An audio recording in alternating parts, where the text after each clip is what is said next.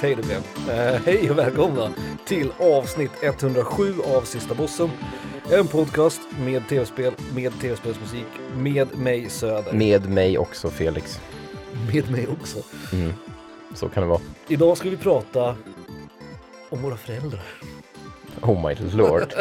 Nej det ska vi inte. Men Nej, det hoppas kanske, jag de inte. kanske kommer nämnas i och för sig. ehm, I samband. De har ju nämnts i podcasten Mm. för att vi, som alla andra tonårskillar som spelade mycket tv-spel, då hade man lite run-ins med sina föräldrar som hellre ville att man skulle vara ute och påta i trädgården eller något skit. Liksom. Exakt. Så att gå ut, gå ut och gör något.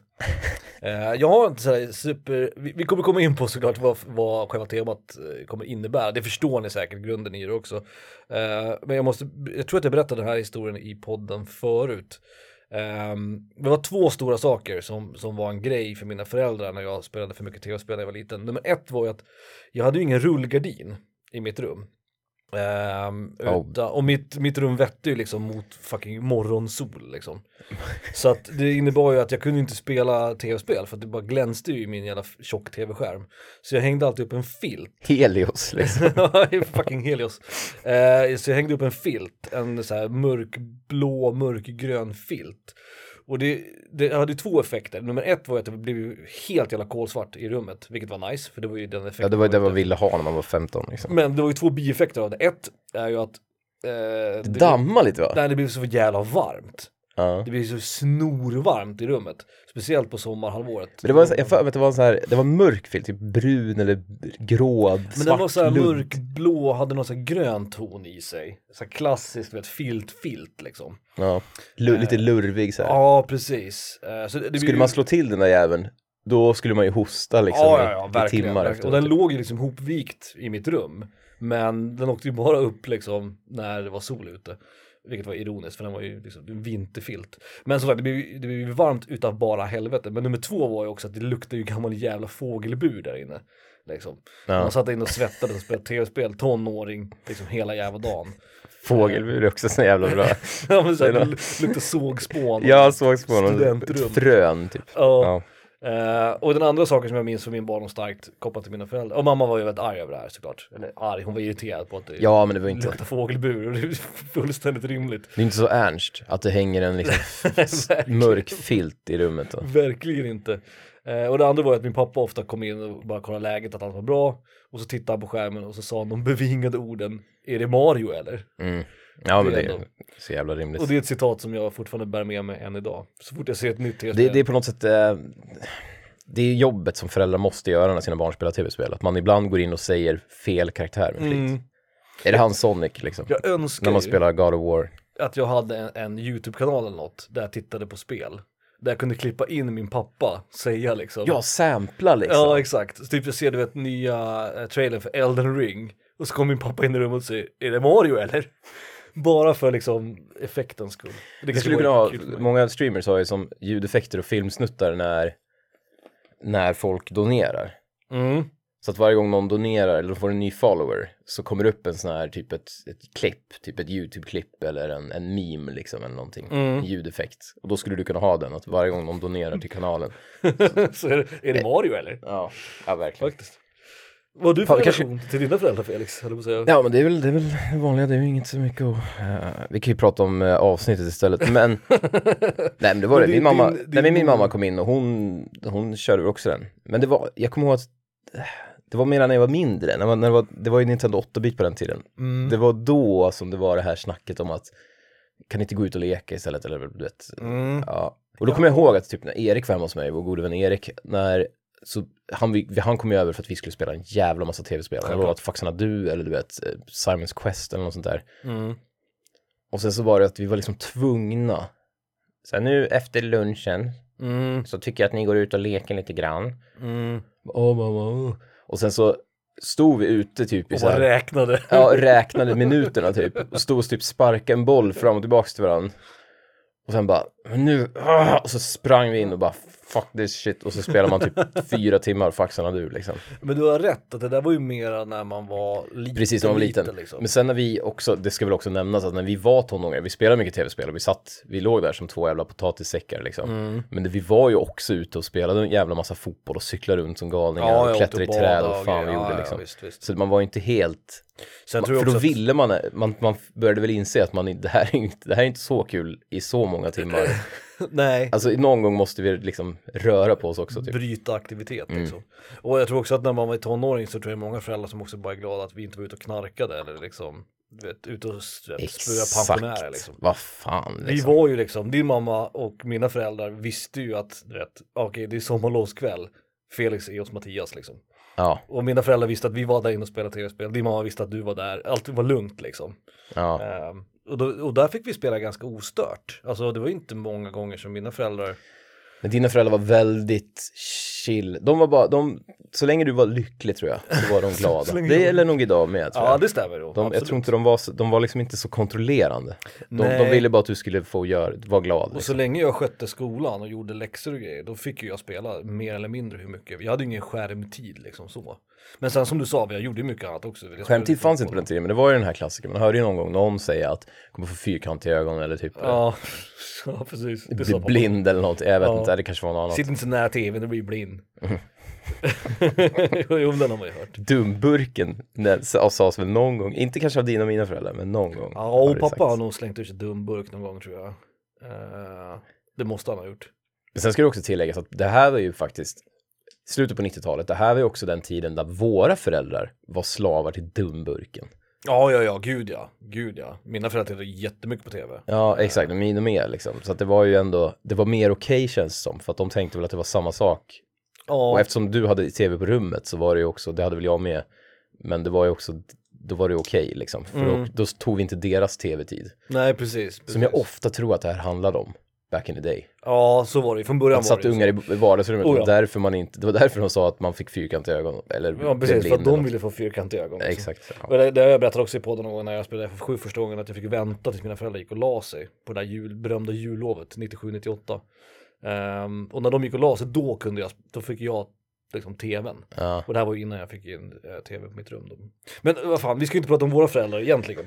Vi ska prata om andra människors föräldrar, fiktiva föräldrar i tv-spel. Precis. Vi har Topp 10, har du tänkt något speciellt här?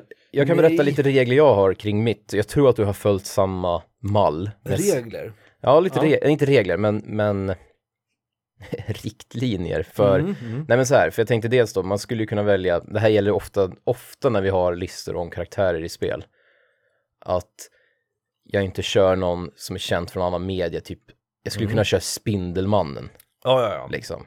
Och Nej, hans föräldrar, eller Batman och hans föräldrar eller så här. Men nu har jag kört mera tv-spels, som, som springer från tv-spel direkt. Undrar om Batmans föräldrar lever och mår bra.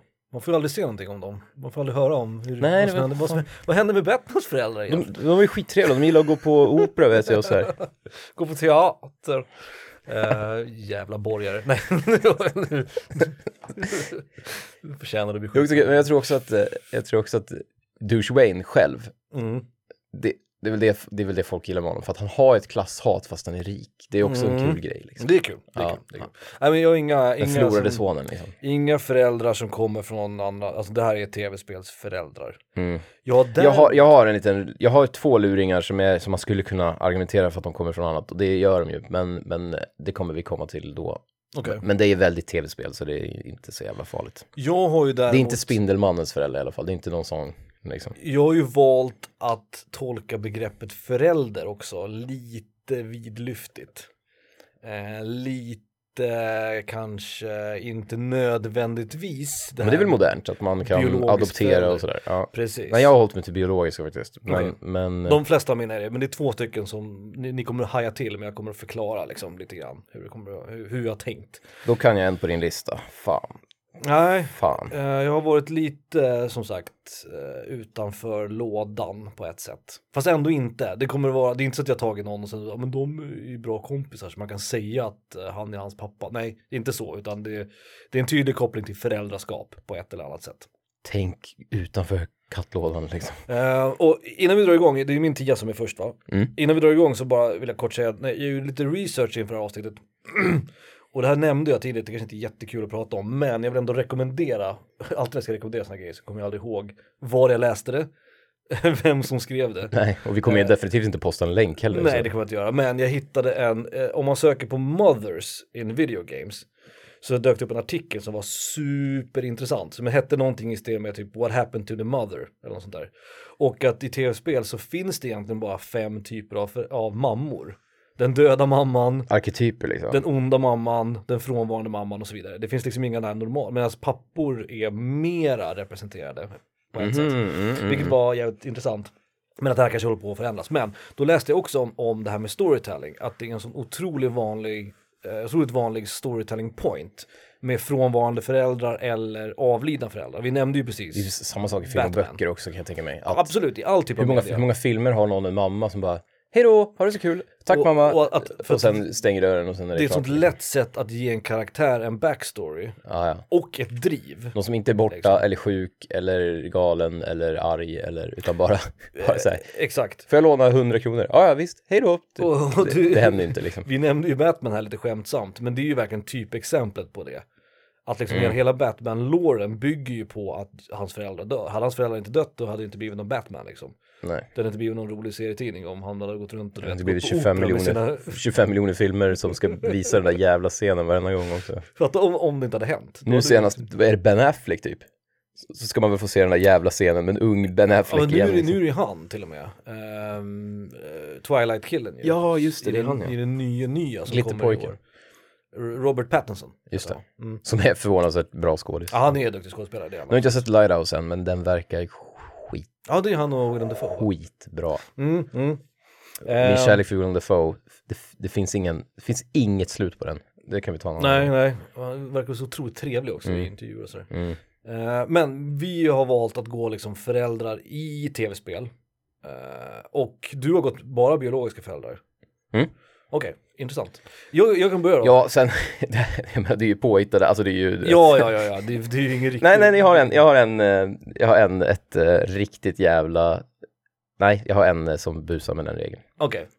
Men det, det jag mest tänkte på var det här med att jag inte tar någon som, ja men typ en serietidning karaktär eller någonting som är Mm. känd, som man vi- visste redan innan. Nej, jag vet inte. Du, du får se. ing- Ingen Darth Vader liksom. Nej, exakt. Nej. För han är väl med i massa tv-spel Ja, såklart. absolut. Men, ja. absolut. Jag har hållit mig till strikt tv-spelskaraktärer. Uh, min plats nummer 10 är en biologisk förälder, det är en biologisk pappa. Du verkligen delar upp det här. Du, du vill börja snacka så här blodgrupper och Ja, sånt. exakt. Det, och det här är en man som vi har talat om då och då. Han har dykt upp här och där, men vi har inte, vi har inte riktigt pratat om honom. Mm. Eh, och det här är Jekt Mm. från Final Fantasy 10. Uh, Tidus... Det kommer heavy spoilers nu misstänker jag. Nej, ja, heavy och heavy, men det, det, han, han är ju en rolig fadersfigur med tanke på att han är ett jävla svin. Mm. Eh, han är inte någon bra farsa direkt liksom. Jag, jag tänkte på det, här, för den här återkommer, den rollen han gör, Mm. den återkommer jävligt ofta i, i manga och anime. Ja, den här hårda... Den här typ, liksom, jag är hård mot dig för att du ska lära dig klara dig själv. Precis. Och så får man reda på i slutet att jag var inte så elak som det verkade, jag bara Exakt. la upp en show typ. Jävligt billig character arc egentligen. Jo för att man, man, man sväljer den, det gör man Det ju. gör man absolut, men det är så här att man, när man är barn så förstår man inte liksom så här. Och det visar sig ju sen då, lite spoiler till slutet, att- att Jack det är ju en, en god man egentligen. Men han är hård mot Tidus av olika anledningar. Eh, Men det visar sig att han har, du vet, rättspatos, han är en väldigt liksom eh, Ja, rättskaffens person. Men det framstår inte som det. Men vi får ju också bara en del av historien. Vi får ju bara Tidus liksom, återberättelser och minnesbilder av sin far och sådär. Så det är ganska smart på ett sätt. För man bygger ju ändå upp någon form av, liksom, inte hat mot Jack, men man, upp, man byggs ju upp liksom så här att, att man inte ska gilla honom. mm. Han byggs är upp också- verkligen som en osympatisk Men det karaktär. är också jävligt kul för att han, han är ju i början komiskt elak, så att det blir lite roligt också. Mm. Han, han du vet säger att han gråter och bla bla bla och liksom. Ja precis, you crying, you crying little baby, sådana saker. Ja, det det är är, kul, det är väldigt- lite roligt. Ja, och det är väldigt klyschigt. Eh, och på, en- även om du nämnde manga nu, Mm. eh, och anime, så det känns också som en väldigt amerikansk sak. Med den här liksom hårda, arbetande pappan som liksom inte har tid för barn, alltså med emotionellt liksom distanserad. Ja, ja, men ändå bryr sig, men, Men ändå svårt precis, att visa det är svårt att visa det, hela ja. den grejen. Och den är tröttsam det är. Men jag tycker ändå att den funkar relativt bra i Final Fantasy 10. Så därför fick eh, Jack då, Tidus pappa från FF10, fick vara min plats nummer 10. Mhm, mhm. Min tia är från spelet Mom Hid My Game. Mom. Mom, Och det är, vad är det? Jag har sett det här. Kemco eller vad fan det är, Ja. japaner som har gjort ett jävla pusselspel med en liten unge. Det här är ni säkert snubbla på för det är ganska, det är ganska populärt på internet, det är ganska populärt streamingspel. Ja, YouTube också. Ja, ja. Jag tror att jag har sett eh, Game Grumps va? Har spelat där tror Ja, jag. säkert, säkert. Mhm. Ja, så är man en liten pojke med blå tröja och vita byxor som vars mamma gömmer ens Gameboy essentially. Mm. Eh, och så ska man hitta det genom att typ dra undan gardiner, skjuta fram en pall så att man kan ställa sig på pallen Mm. och så ligger det ovanpå gardinstången typ. Smart ändå. Så det är bara, det Meta. liksom en, en screen per bana och någonstans där finns ett spel, en spel som man ska hitta. Mm. Så man öppnar byrålådor och man puttar möbler och man använder en sax på en ballong och sådär. Men- Utan att mamma kommer på en va? Ja, det, precis, precis. Kul. Jag vet inte om det är något man- Meta, det är att man kul, kul koncept. Gör ljud eller om hon kommer in ibland i rummet, jag vet inte. Jävla bra koncept. Alltså bara, det är ju verkligen sånt här, man, man hör på namnet, Mom Hid My Game, då vill man se vad det man vill spela det direkt, man vill veta Ja. vad det är för någonting. Liksom. Absolut. Det hookar en direkt.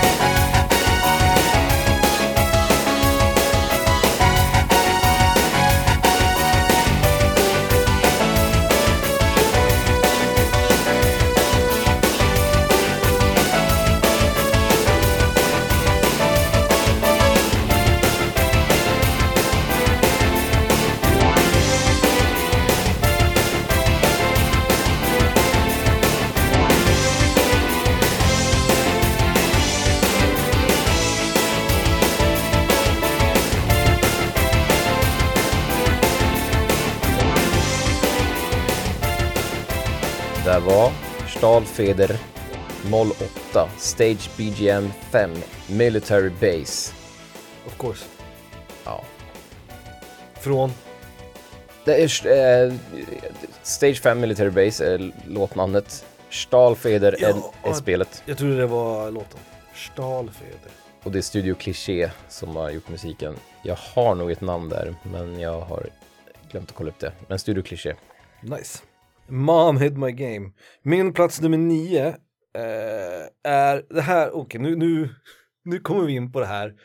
Vad är en förälder? egentligen? Oh my lord. Min plats nummer nio är Dr. Light. Mhm. Dr. Light är ju Megamans pappa.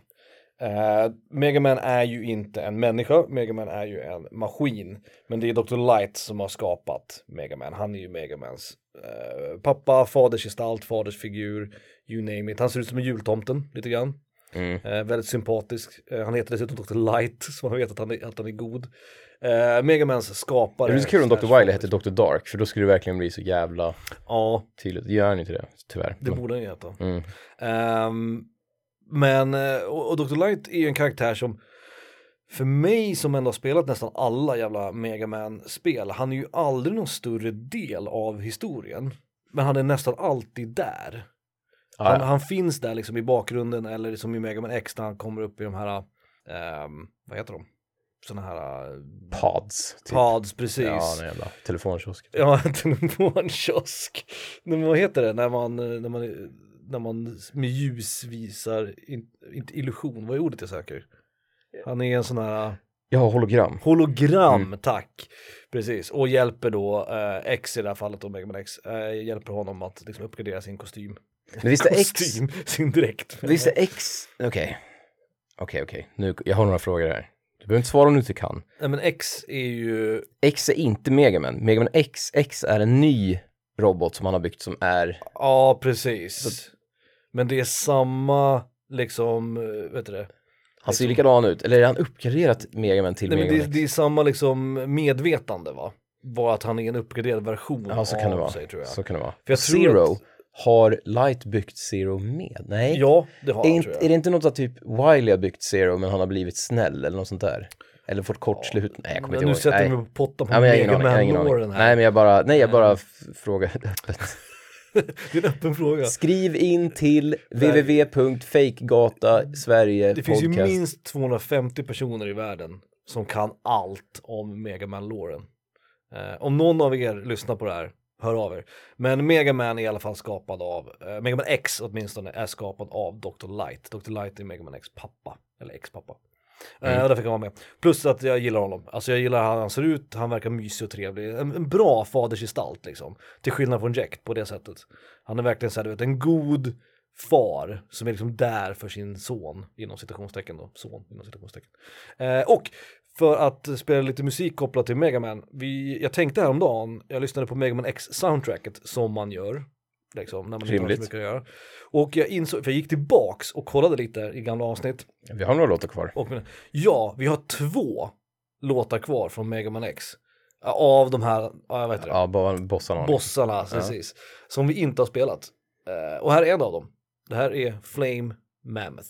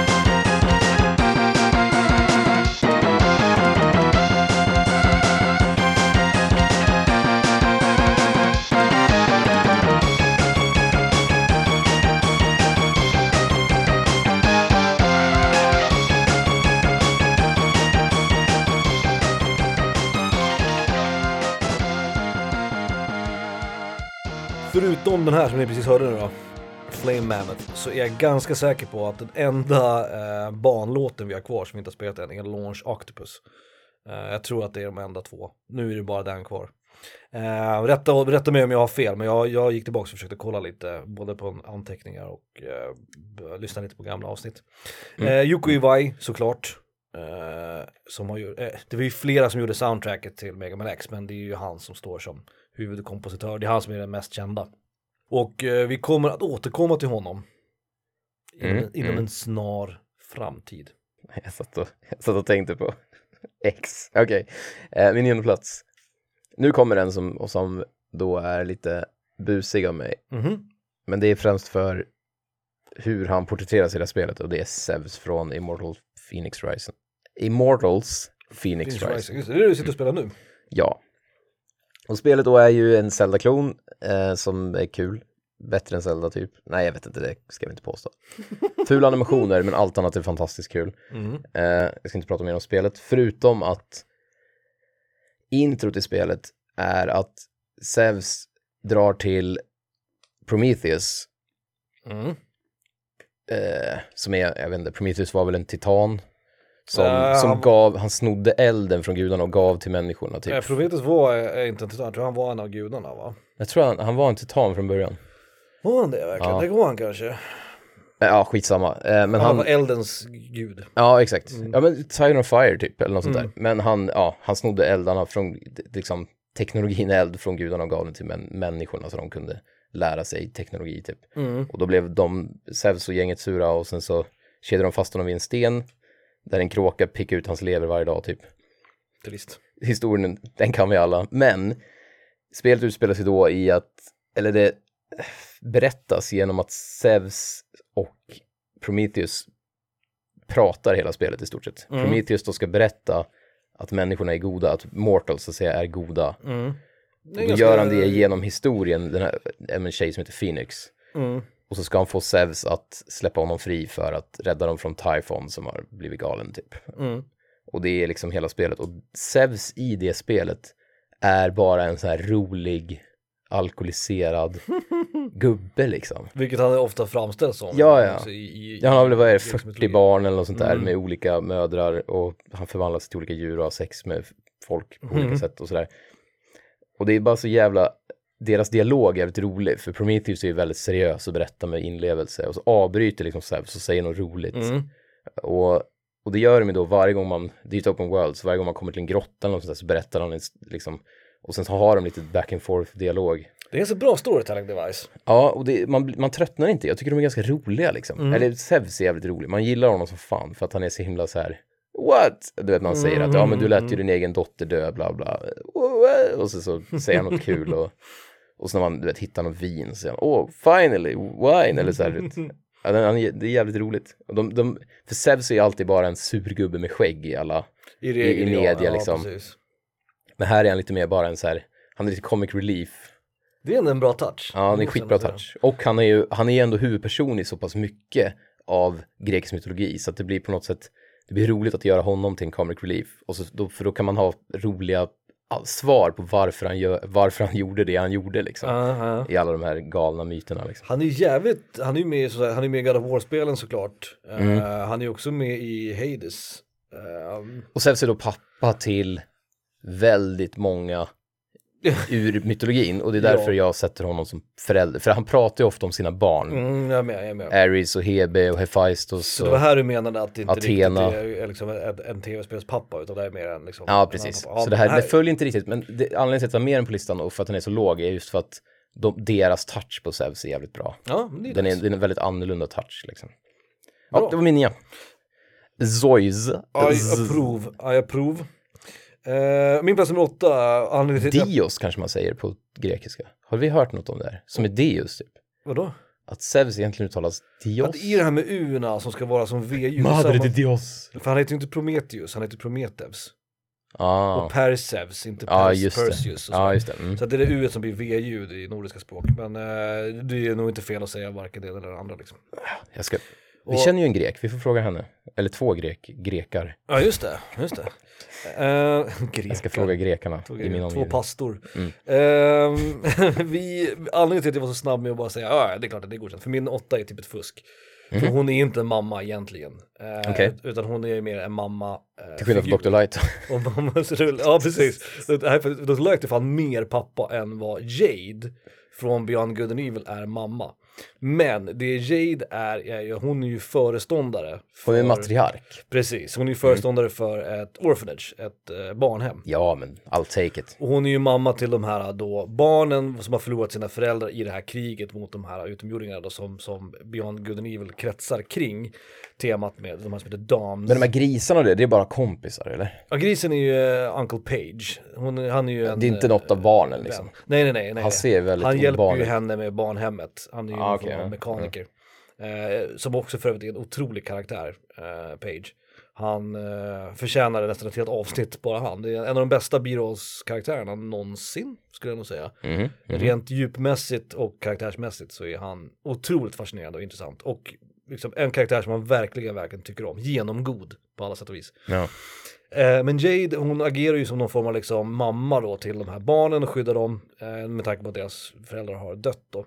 Så hon är ju liksom ung och så här, du vet, eh, äventyrskvinna, får man säga så, i, i dagens samhälle, det får man väl. Hon är ju någon Lara Croft-typ liksom, egentligen.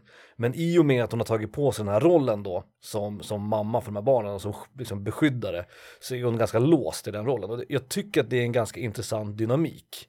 Liksom hur hon liksom bollar den eh, delen av sitt liv. Att hon liksom på ett sätt vill hon vara den här äventyraren och ut och rädda världen och slåss mot de här utomjordingarna men hon har också liksom ett ansvar för de här barnen. Ja, precis. Det blir den här ansvarsgrejen. Det sätter ju en, en nu ska jag inte säga tension, det sätter en spänning i karaktären. Som att man Ja. har, hela tiden har någonting man behöver bry sig om.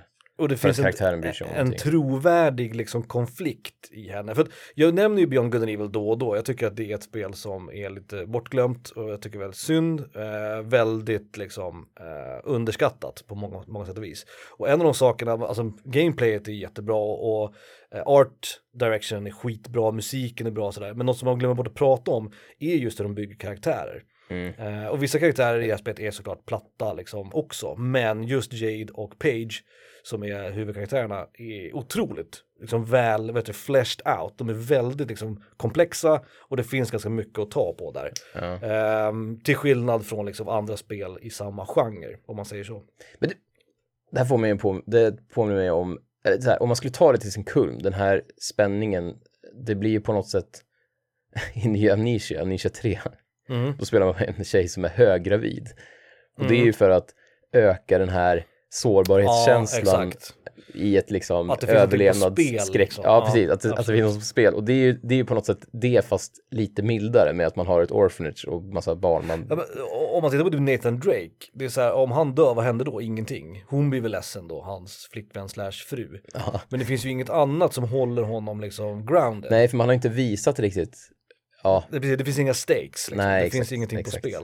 Ehm, så det tycker jag är väldigt, väldigt om han bra. stänger av mobilen då missar han inga viktiga samtal. Exakt, Nej, men. Ubisoft tyckte jag löste det här väldigt smart och det var det är snyggt. Och med tanke på att det inte finns så mycket just, liksom, bra depictions av mammor i tv-spel så tyckte jag det här var ett ganska bra exempel. Men det kom lite lägre ner då för att hon är ju inte som sagt deras biologiska mamma, hon är ju typ bara 19-20 år eller någonting i spelet. Ja, okej. Men min åtta är, är Jade från Beyond Good and Evil. Min åtta, bra val. Min Mm. åtta, och jag, jag tar den. Eh, det är från Horizon Zero Dawn. Mm. Det är Aloys, jag hatar namnen, jag hatar namnen i det här spelet. Mm. Aloys pappa Rost, Johannes Rost liksom. Ja just det, Rost heter han. ja, och han är snäll och han tutorialar röven av en i början. Mm. Ja, ni, det är ju tutorial. ja, ni kan ju gissa vad som händer med honom inom den första timmen av Mm. spelet.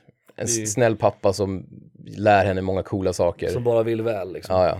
Han kommer ju överleva hela spelet, det är ju inget snack liksom. Så jävla mycket dead parents i tv-spel. Ja. Och den hamnar lågt för att den är ganska ointressant, men det är ju väldigt bra, du vet, det är bra skådespelare, det är ganska, det är snyggt. Och det är ju Horizon är snyggt gjort liksom. en det effektiv plot device. Inte bara med att det ger ju henne någon form av liksom.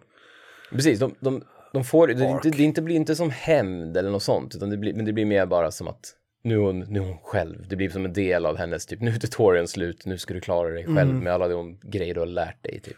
Jag, Bla, bla, är, bla, jag är liksom. trött på den tropen, men när de bakar in det också i själva tutorial-momentet så tycker jag ändå att de gör någonting som är lite nytt där. De gör väl sånt här skit, precis, man kan bli jävligt less när de gör, speciellt när de gör i efterhand, som nu med Samus, att hon liksom växte upp med någon styvpappa från Mm. Kjos och sånt där. Eller ännu värre, man bara får se det i typ någon flashback. Så, ja, mina föräldrar dog när jag var fem, jaha.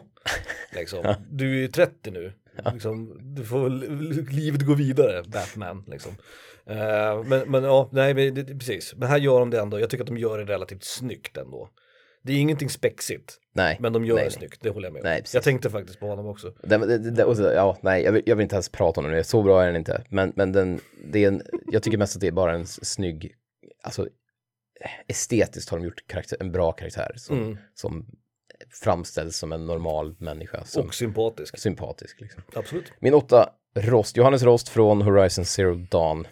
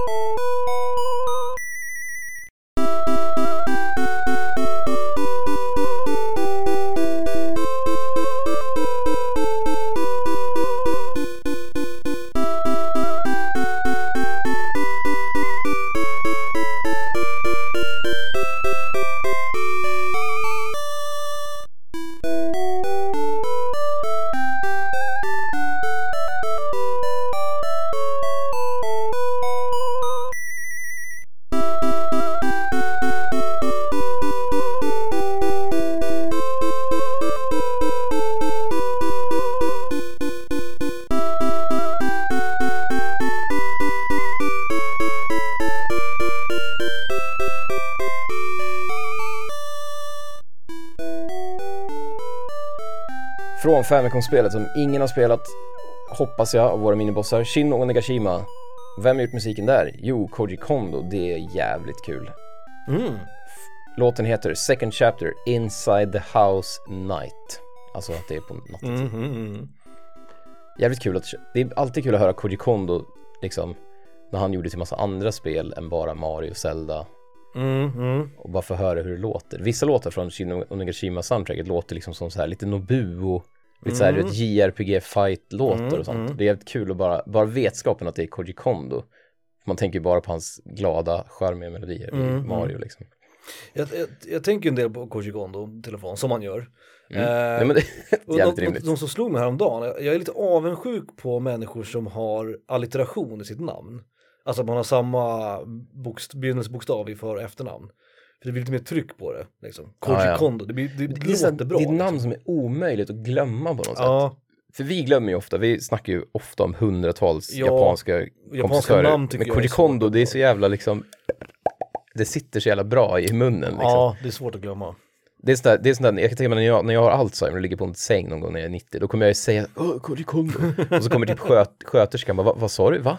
Och så kommer de googla, bara, vad i helvete? Det sista du säger är som fucking, vad heter det, Citizen Kane. Exakt, Rosebud. exakt. Fast det, är inte Koji Kondo.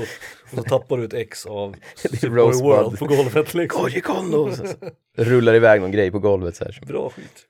Din Eh, sjua då, din jävel? Min sjua, det är en karaktär som faktiskt är nästan mer kopplad till dig än till mig. Eh, och vi hade ju ingen som helst liksom krav på att det skulle vara bra föräldrar, eller hur? Nej, nej, nej. Det behöver bara vara föräldrar. Nej, jag, jag, jag, precis, det här skulle jag sagt i början av avsnittet.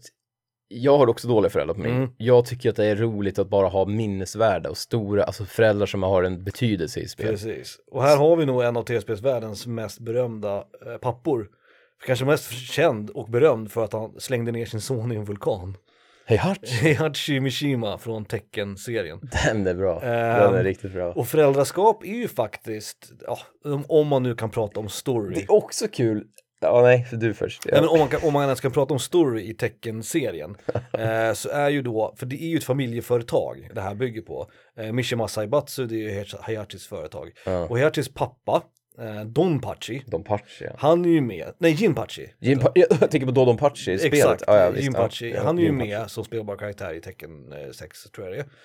Eh, och sen Heiachis son då som han slänger ner i vulkanen som spoiler alert överlever är ju Kazuya som också är med i, i eh, Som i också då, har en son. som är- han vill slänga ner i som vulkan. han också slänger ner i en vulkan. Så det blir på något sätt, äpplet faller inte långt. Det blir som att han har en så fucked up uppväxt att han blir då nya skurken. Precis. Och sen Men Jin också... är väl, den, är väl den som ska bryta kedjan, som ska vara den första, försöka bli snäll. liksom. Exakt. Och, och Jins eh, mamma är ju med i spelen. Jins byxa liksom. Eh, som heter Jun va, tror jag. Mm. Eh, Och hon är ju såhär miljöaktivist. Ja, precis, precis.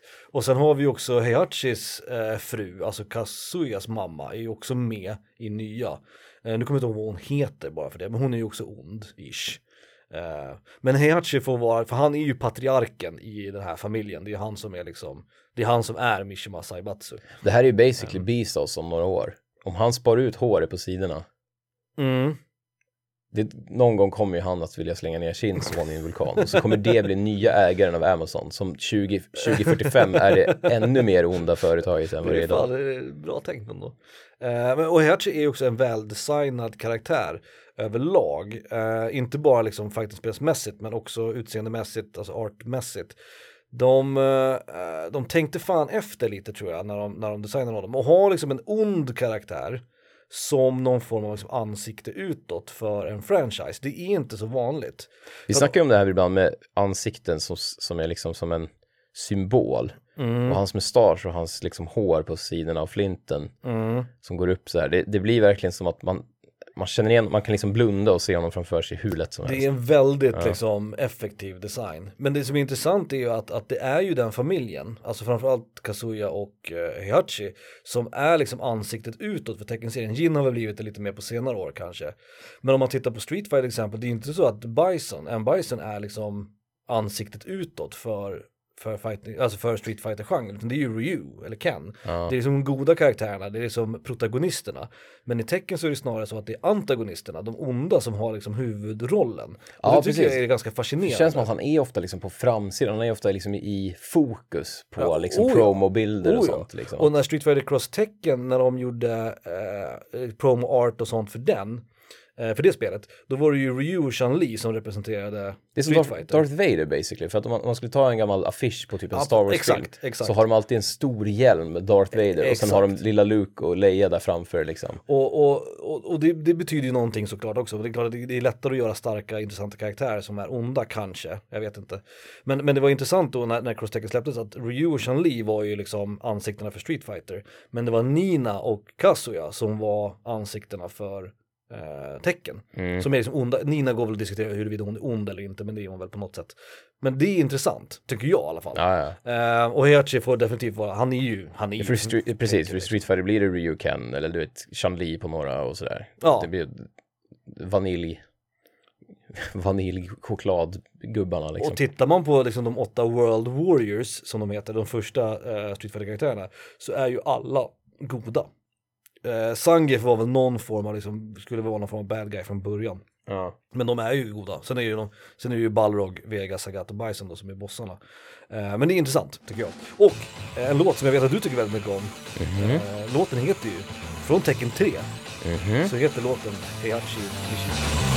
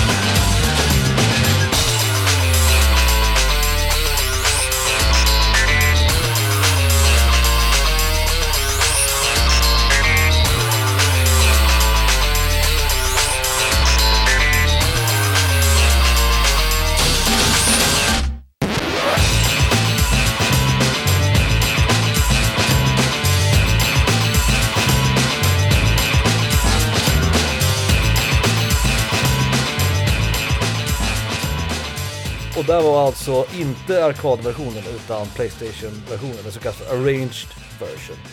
Eh, Den som vi spelade mest, vi bytte ibland, men vi spelade oftast ja, för det med kunde man göra Tekken Ja. 3. Man kunde välja arkad-soundtracket eller the arranged soundtrack. jävla bra port alltså. Eh, och musiken, den arrangerade musiken är gjord av en man som heter Yu Misaki. Mm, just det. Nej, förlåt, Yu, Yu Miyake. Yumiyake, Yu Miyake. Och det Och känner han- du nog igen tror jag. Han, eh, han har även gjort, han har gjort massa musik. Han har gjort musik till, bland annat till något Katamari-spel Ja, tror jag. han är Katamari-kompositör. Mm. Vilket är intressant. Eh, och Tekken 3 hade ju superrolig, funkig, bra musik, som ni precis hörde. Fan vad bra, bra val, jättebra val. Mhm. Eh, på sjunde plats, apropå Street Fighter 2, Ja, Samantha, Blankas, eller då Jimmys mamma. ja just det. Så man. I Street Fighter 2, någon av versionerna på Super Nintendo, Jag tror att det är Turbo. ja, när man klarar, med, man klarar spelet med Blanka, Mm. så kommer ju då hans, så blir det en liten filmsnutt där hans mamma kommer. Mamma! Ja, det är verkligen. I told you not to speak French to me. Pappa.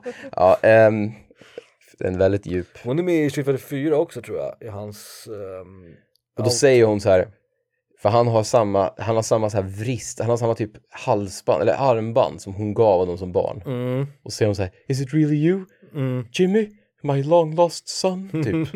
och han står där och bara, typ. ja, och sen så är det slut, och så blir det så här, du vet, pianomusik och sen är det slut liksom. Mm. Eh, jag tänkte jag skulle bara ha med det, för det är så kul att, man, man tänker inte på Street Fighter alls, för tecken är lite mer kopplat till vilken relation karaktärerna har och Mm. för det är så mycket den här med filmsnuttarna på slutet. Ja, Och Det är ju såklart det enklare på Playstation-eran. Mm. Men man tänker inte så mycket på, eller jag i alla fall gjorde inte det, på, på storyn i Nej. Street Fighter 2 liksom. Nej, det gör man fortfarande inte. Street Nej. Fighter-låren har aldrig varit vattentät. om nej, nej, så. men det är det ju inte i något fighterspel typ. Men det känns ändå som att så här, de har lagt mer fokus på den i, i tecken. Mm. På, på karaktärernas, liksom, ja jag vet inte, även relationer. Men Samantha, eh, jag har inte så mycket mer att säga för det är bara en filmsnutt i slutet på Street Kul, Fighter 2. kul, bra val. Mm.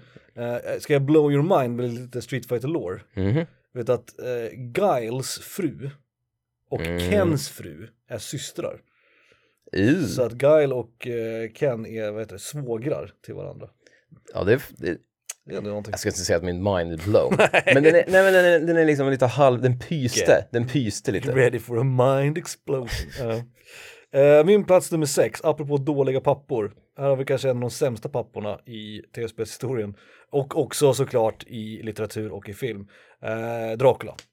Mm. Oh, den Han får vara jag. Mm. Eh, Alucard pappa. Alucard blir Dracula baklänges, apropå mind blown. Ja, ja. Eh, Dracula, stora liksom antagonisten i Castlevania-serien. Snacka om, snacka om on-brand, att våra lyssnare, minibossarna, alla vet att Dracula är Alucards pappa. Liksom. Eller Ja. tvärtom.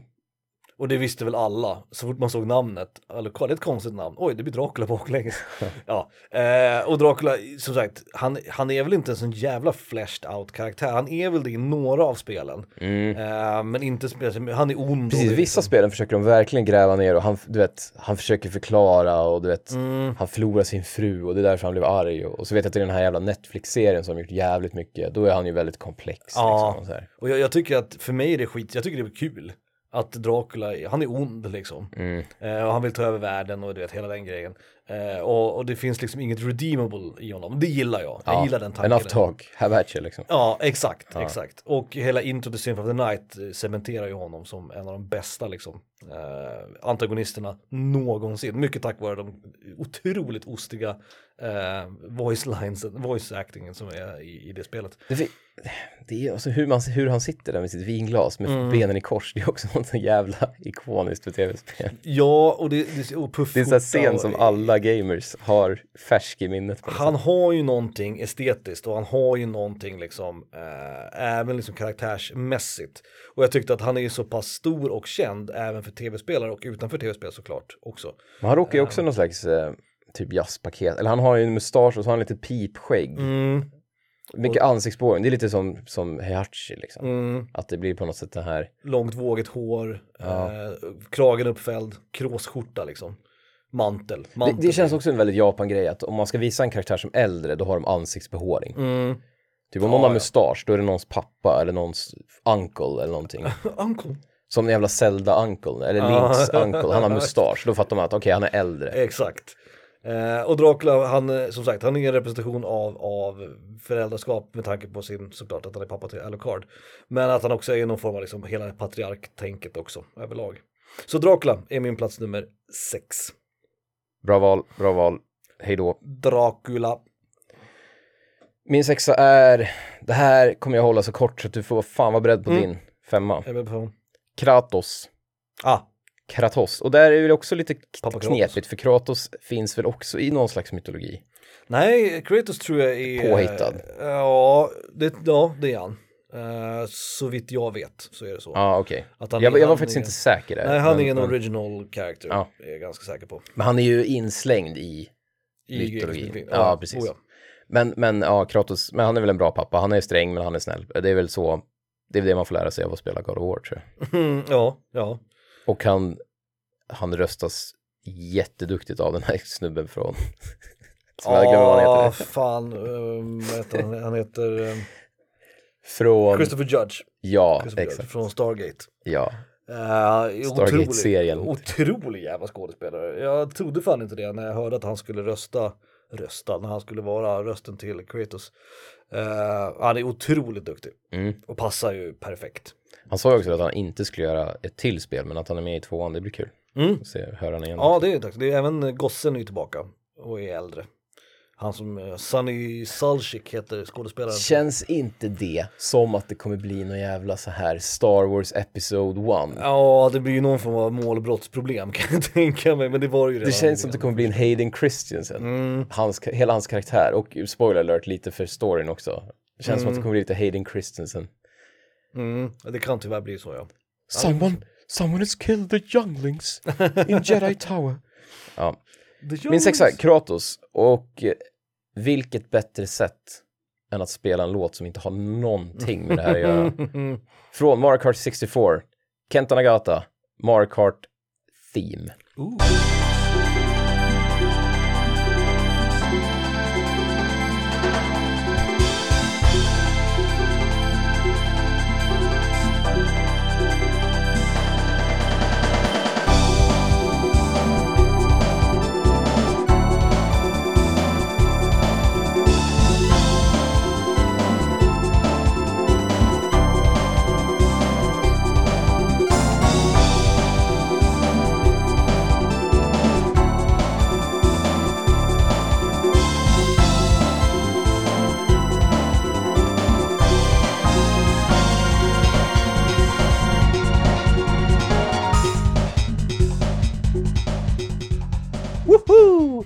Mario Kart 64 typ. Och så trycker man bort det. Kenta och Stoffe. Kenta Nagata. Honom pratar vi inte så mycket om längre. Han var fan jättepoppis att Ja. ha i, i podden. Vi pratar om honom mycket. En av Koji Kondos liksom lärjungar, Mm. Apostlar. apostlar, är väldigt bra namn på det tror jag. Men kul också att han heter Kenta. Att, det, Mm. att det blir roligt liksom. Ja. Och just min- idag var han stark. Kul. Jag, jag visste inte var vi var på väg med den, eh, med den referensen. Eh, min femte plats då. Är mitt sista lite fuskiga kan man väl säga. För att hon är ju inte mamma till den här baby Metroiden. Men hon blir ju mamma. Samus. Mm. Seamus, Seamus Aran. Seamus Ehm, Makaran. och eh, ja, ni som har spelat Super Metroid, ni vet ju storyn där. Hon lämnar den där uh, Metroiden till, till eh, forskarna och sen så rymmer den och eh, den, ja, de blir attackerade av, av Ridley och sådär och så växer den sig stor och så visar det sig att den har ju liksom blivit inpräntad då som djur kan bli. Mm. Blivit inpräntad på Samus. Så till den milda grad då, och nu är det spoiler alert för ett spel som är 30 år gammalt. Eh, så, så räddar ju den eh, Samus i slutet och dör väldigt traumatiskt och dramatiskt i slutet då. Men det är ändå snyggt att de har connectat det, för det är ju så tvåan slutar. Precis. Så det är ändå snyggt att de har connectat det så pass bra med Samus Returns till Gameboy som ingen tyckte var särskilt jättebra. Liksom. Nej, precis. Och, och Metroid ska också ha faktiskt lite cred för att vara en serie som ändå på något sätt har tema mödraskap. Eh, lite fram och tillbaka. Eh, med, med Samus såklart som, eh, som mamma till, till Metroiden. Vi har också Mother Brain som, som eh, eh, rymdpiraternas ledare där. Mm. Som också är någon form av matriark, en mammaroll. Och vi har ju också det här med Other M. Eh, Mm. Som, eh, där också själva mammarollen och allt det här liksom, ändå får ta plats. Mm. Och det är inte speciellt ofta det händer i tv-spel, så jag ska ha cred för det överlag tycker jag. Även om det kanske inte alltid är så snyggt skött, som i till exempel Other M. Eh, men, men mammarollen är ganska tydlig och det finns liksom mycket tema om det här med mödraskap och föräldraskap i eh, Metroid-serien. Och det tycker jag ändå är bra. Mm, mm. Eh, och en låt ska vi köra också, och faktiskt från Metroid Dread. Eh, det senaste spelet i Metroid-serien. Eh, av Sayako Doi. Uttalas det så? D-O-I. Hur fan ska man uttala det? Doi. Jag, skulle, jag skulle tro att det är två stavelser, alltså Alltså doi, doi, eller hur? Doi, typ. eller. Sayako Doi och Soshi Abe. Det här är låten Artaria 3.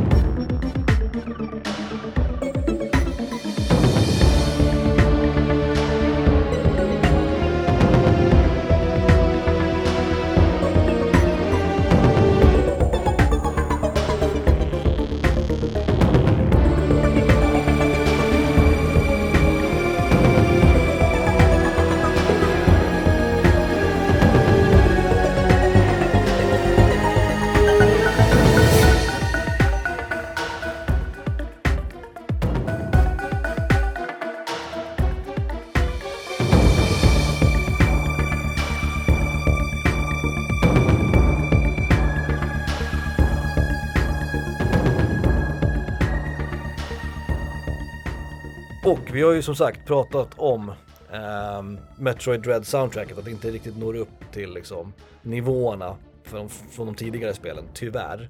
Men den här är bra och även eh, låten i vattenstället som vi kallar Vattenstället, det. Eh, klassiker. Burenia heter det området i, i Metroid Dread, det är också bra. Men den här, Artaria 3, det här är nog den mest liksom, stämningsfulla atmosfäriska låten i spelet. Ja, Och håller ändå väldigt, väldigt hög men det är också det temat de har gått lite för långt. Det är mera bakgrundsmusik. Ja, det är inte så mycket melodier Nej. eller så här bra slingor och sådär, tyvärr. Eh, det är mera som sagt atmosfäriskt. Men den här är, jag gillar den här skarpt, Artaria 3. Mm. Från Metroid Dread. Samus var min femma. Vi tar en, en till mamma. Mhm. From Earthbound, Ness mamma. Ah,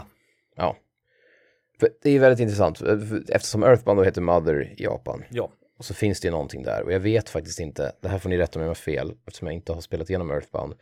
Jag vet inte om det har något betydelse i slutet. Jag tror fan inte det har det. Mm. Och jag tror att det syftar på, vet att han skapar, som jag nu glömt vad han heter, han snackar mycket om det här med typ mammor, att mammor är viktigt och bla bla. Mm. Och det blev någonting, för eftersom spelet utspelar sig i nutid eller dåtid, ja, det utspelar sig inte inom fantasy-setting i alla fall. Eller Nej, något. precis. Och näst då, eh, då har ju pappan, han är ju save, han är save, för man ringer, han ringer på telefoner som man hittar och det är liksom save points. Mm. Och så har han en kort dialog där man savear och mamman ska man åka hem till. Mm. Om man pratar med henne som har fullt liv och så vilar man, det är som ett in i ett Mm. RPG. Det är som i verkliga livet. Mm. När man pratar med sin mamma. Och så säger hon någonting sånt här, typ så här, ät din mat och gå och vila en stund. Typ, eller sånt här. Det är Och, fint. och det finns till och med en, att det, gameplayet påverkas för att man blir tydligen, det är någon faktor i striderna som blir bättre om man har pratat med mamman nyligen. Så man får någon buff liksom. Mm. Så att det är ju en gameplay mechanic och det är det han, skaparen sa att han ville göra, liksom, det är viktigt att hälsa på sin mamma, prata med sin mamma och då göra det till en gameplay mechanic. Mammabuffen liksom. Mm. Och det är just därför den är så högt på listan, för det är ändå, det är inte många spel som har det som en gameplay mechanic. Nej, att glöm, inte att, glöm inte att hälsa på mamma liksom, eller ringa mamma. Ja. Och därför är den så högt. Så det är näst, och jag tror inte man får veta vad hon heter, så hon heter Ness mamma från Earthbound eller Mother 1. Call your mother. Mm. Eh, Det är en kul grej tycker jag. Ja, verkligen. Väldigt annorlunda. Och det, det, där är det ingen, han är ute på någon affärsresa pappan, så det är därför man ringer honom i telefon. Men hon står ju hemma och diskar och donar Mm. liksom. Så att det är inte, hon är inte en ond mamma, hon är inte en konstig mamma, hon bara är där medan han är ute på Men det är bra, det, det är sånt man, jag tror att vi skulle behöva mer av i spel. Alltså mer naturliga liksom depictions Ja. av föräldrar. Ja. ja, men verkligen. Bra, bra. Jag tänkte på det här, jag har så jävla lite er, liksom, Nej, jag vet, jag har inte heller spelat, jag har ju spelat en sekund Earthbound, så det eftersom det känns heter just så... Mother så, så var det en av de grejerna jag tänkte på först. Men jag har, jag har sån jävla liksom, Nej, tunn det- relation till Ja, och serien. spelet är så jävla förvirrande, så ser man gameplay på typ en timme så är man helt jävla snurrig, man fattar Mm. ingenting av de spelen. Så det blir väldigt svårt att... Skulle fan ge det här en chans någon gång. Ja, gud. Det får ju bara bra kritik och musiken är ju svinbra. också. Ja, ja, ja. Rimligt val. Eh, då är min plats nummer fyra, är det den mest moderna pappan. Eh, alltså modern som i att det är från ett modernt spel. Eh, Mhm, ah, ja, det är det kanske. John Marston, huvudkaraktär i Red Dead Redemption, är min plats nummer fyra. Mm. Pappa till Jack. Ehm, det, som, det som lägger det här högt upp är att det är en ganska ehm, det är en välskriven relation som man har till sin son.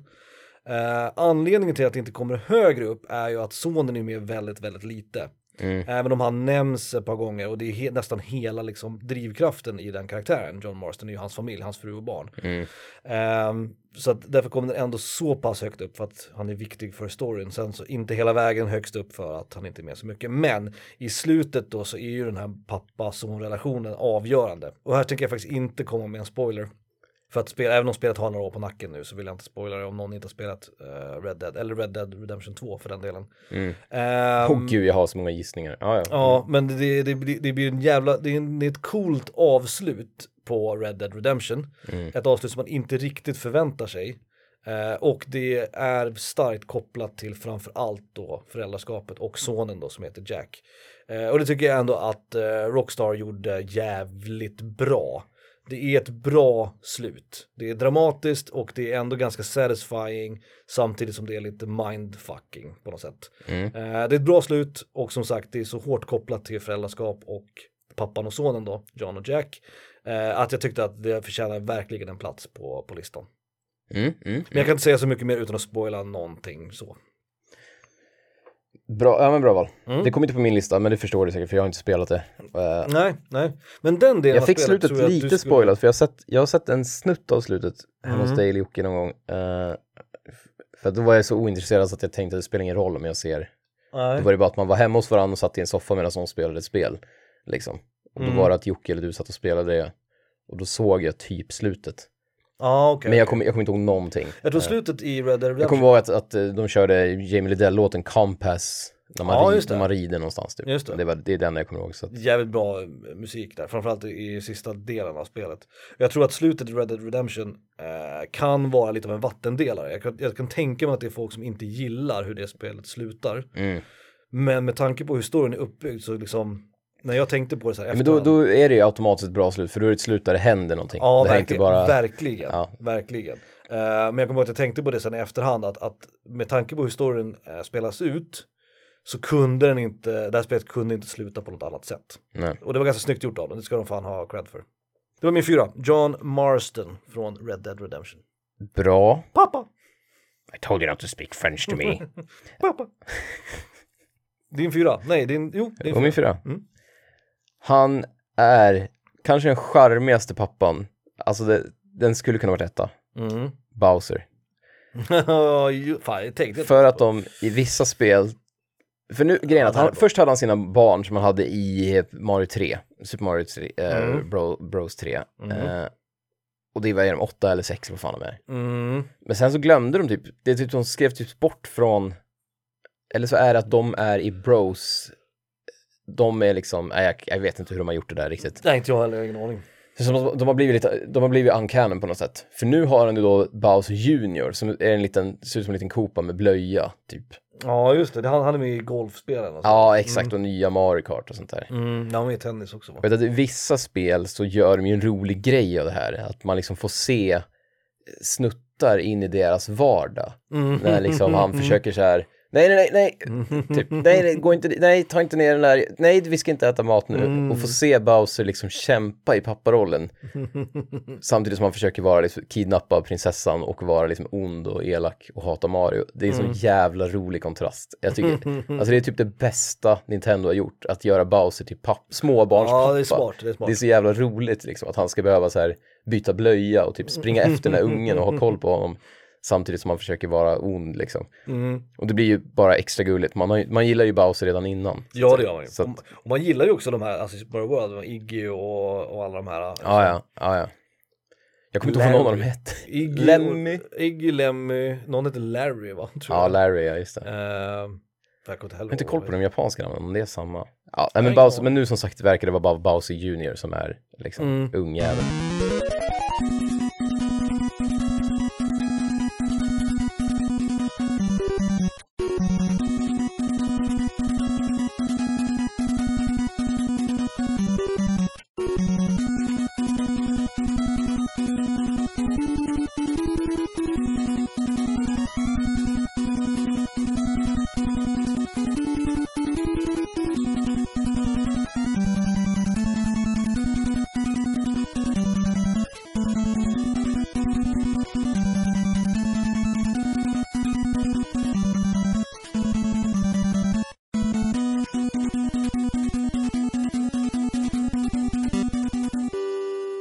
Avjun Shikuma från Faxarna Du. Mm. Faxarna Du Main Thing. Mm.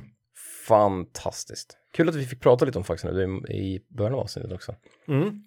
Eller att jag bara tog det som exempel när att det var det vi, det var det, det var ett sånt här spel man minns att man spelade på Nintendo som var Mm. jävligt roligt. Ja, bla bla bla. Skitbra musik, Jun Shikuma är genialisk. Ja, det är riktigt jävla bra.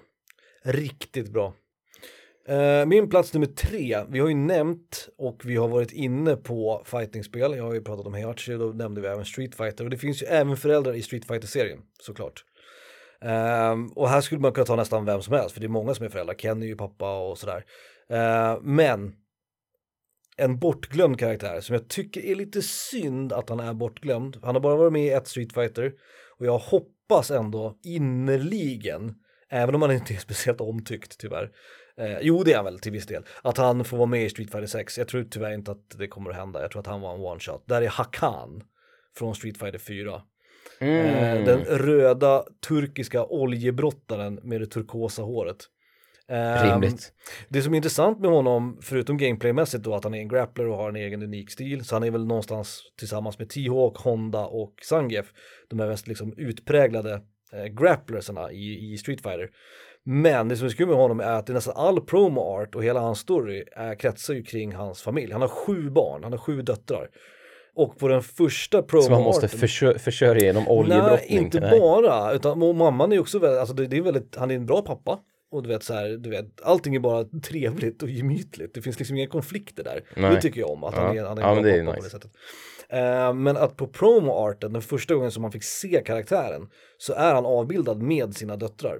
Eh, och det, jag kommer ihåg att det spekulerades kring att de skulle vara någon form av del i gameplayet också. Att de typ skulle kunna kasta barnen på motståndaren eller någonting. Eller att de var med i typ någon sån här victory animation eller någonting. Men det är de inte. De är med i storyn och de är med i liksom concept arten och promo arten men de är inte med i liksom gameplayet. Och det förstår jag väl kanske så här i efterhand också att det hade kanske varit för svårt. Men det är intressant att vi har en karaktär som är en, en neutralt bra pappa bara liksom. Och är en, en naturlig del av storyn. Och det är en rolig karaktär som jag gärna vill lyfta fram. För Street Fighter 4 gjorde många bra saker, såklart, det är ett bra spel. Men de nya karaktärerna, alltså de som var nya för Street Fighter 4, det är inte många av dem som är keepers. Alltså, eh, vi har El Fuerte som är någon form av mexikansk luchador med en fäbless för stekpannor och, och burritos. Det är liksom, det är så rasistiskt vet. så det bara skriker av det. Han, både, Vi har, vi har, han lagar både mexikansk mat och är luchador samtidigt liksom. Ja, och vi har Rufus som var en karaktär som ingen tyckte om designmässigt. Eh, vi har ju Sea Viper som många tyckte om men som inte har fått komma tillbaka efter det. Synd. Eh, men det är också så här, det är karaktärer Åh, som... nej. nej men det, Abel, samma sak, var liksom intressant på pappret men hade lika gärna kunnat bytas ut mot andra karaktärer i serien som Alex eller någon. Han har, han, är, han har ett command grab och han har attacker som ser ut som andra karaktärer liksom. Och ganska bland design sådär. Ja. Så Street Fighter 4 lyckades inte med mycket men den som stack ut mest var ju Hakan. Eh, den här liksom knallröda designen och en helt unik playstyle. Eh, fullständigt unik, hela oljemekaniken som han har då i spelet, han kan olja in sig och då blir hans attacker bättre. Eh, men då måste man ge upp liksom pressure och sådär. Det var, det var en intressant design tyckte jag. Jag tyckte om karaktären, jag spelade honom rätt mycket.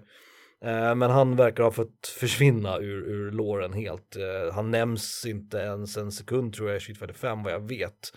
Eh, så jag tror inte att han kommer att få någon plats i Street Fighter 6. Det är synd, men. men för att hylla honom då, för att hylla de här karaktärerna som faktiskt jag tycker borde få en chans till. De här konstiga jävlarna. Och nu fick jag in honom här eftersom det var kopplat till föräldrar. Så kör vi från eh, Street Fighter 4, Hakans Theme av Hideyuki Fukasawa.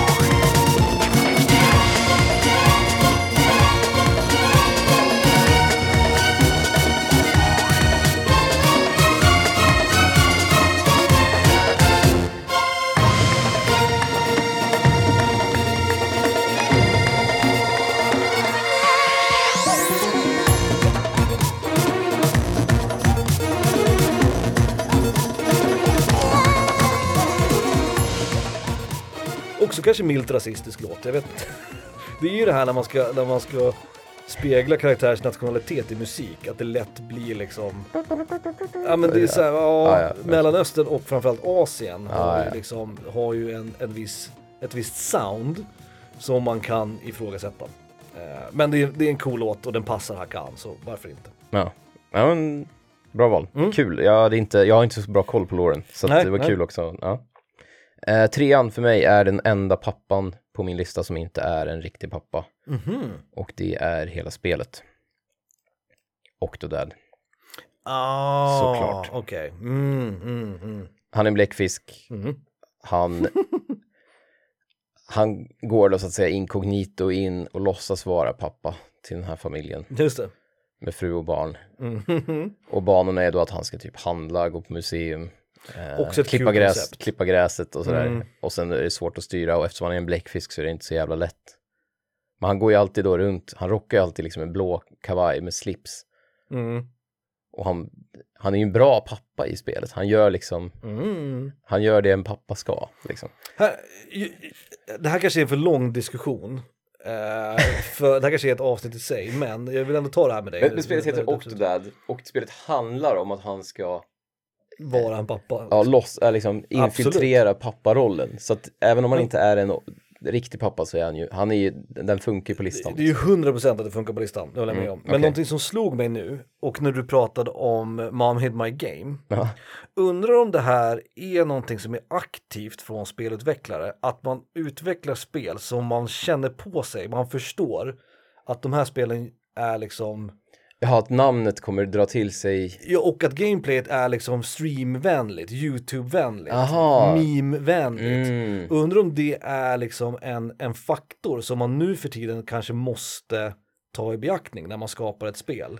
Att det här kommer, kommer det här folk se att prata kul ut på om, Twitch? Liksom. Liksom. Kommer Exakt, folk- för ja, ja. både Octodad och Mom Hit My Game, de har jag upplevt på exakt det sättet. Att folk har pratat om det, jag har sett du vet streamers eller jag har sett YouTube-kanaler där de nämner det och sådär.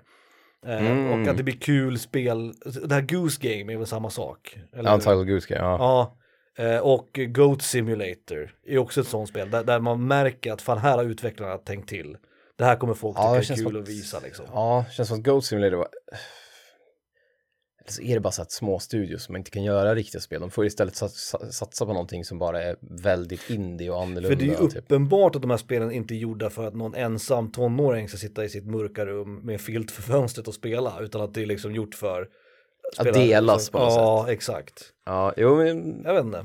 Det kanske blir, det får bli en annan diskussion. Det kanske kan bli en lista till och med. Spel som uppenbart är gjorda för, för liksom eh, streaming eller för eh, marketing på något sätt. Men, men är uppenbart gjorda, men det kan bara vara så att de lämpar sig just för att de är så jävla... Mm. Och det blir då en anledning till att de blir så stora. För Men frågan är om inte bra- branschen drar åt det hållet.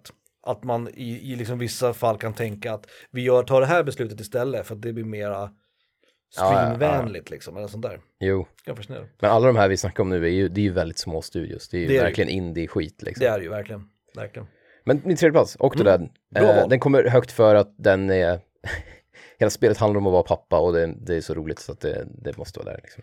Mycket bra val. Min tvåa kan vi ta snabbt för den är tråkig och det är en crossover och det är Kratos från God of War. Ehm, Ja. jag, jag, jag, jag Jag misstänkte att den skulle vara med Ja, också. Fast jag funderade faktiskt lite på det. Uh, för först så slängde jag in den på listan och sa okej, Kratos kommer vara med. Det måste ha varit den första jag, jag tänkte på. Men den är också, den är också högt upp för dig också antar jag.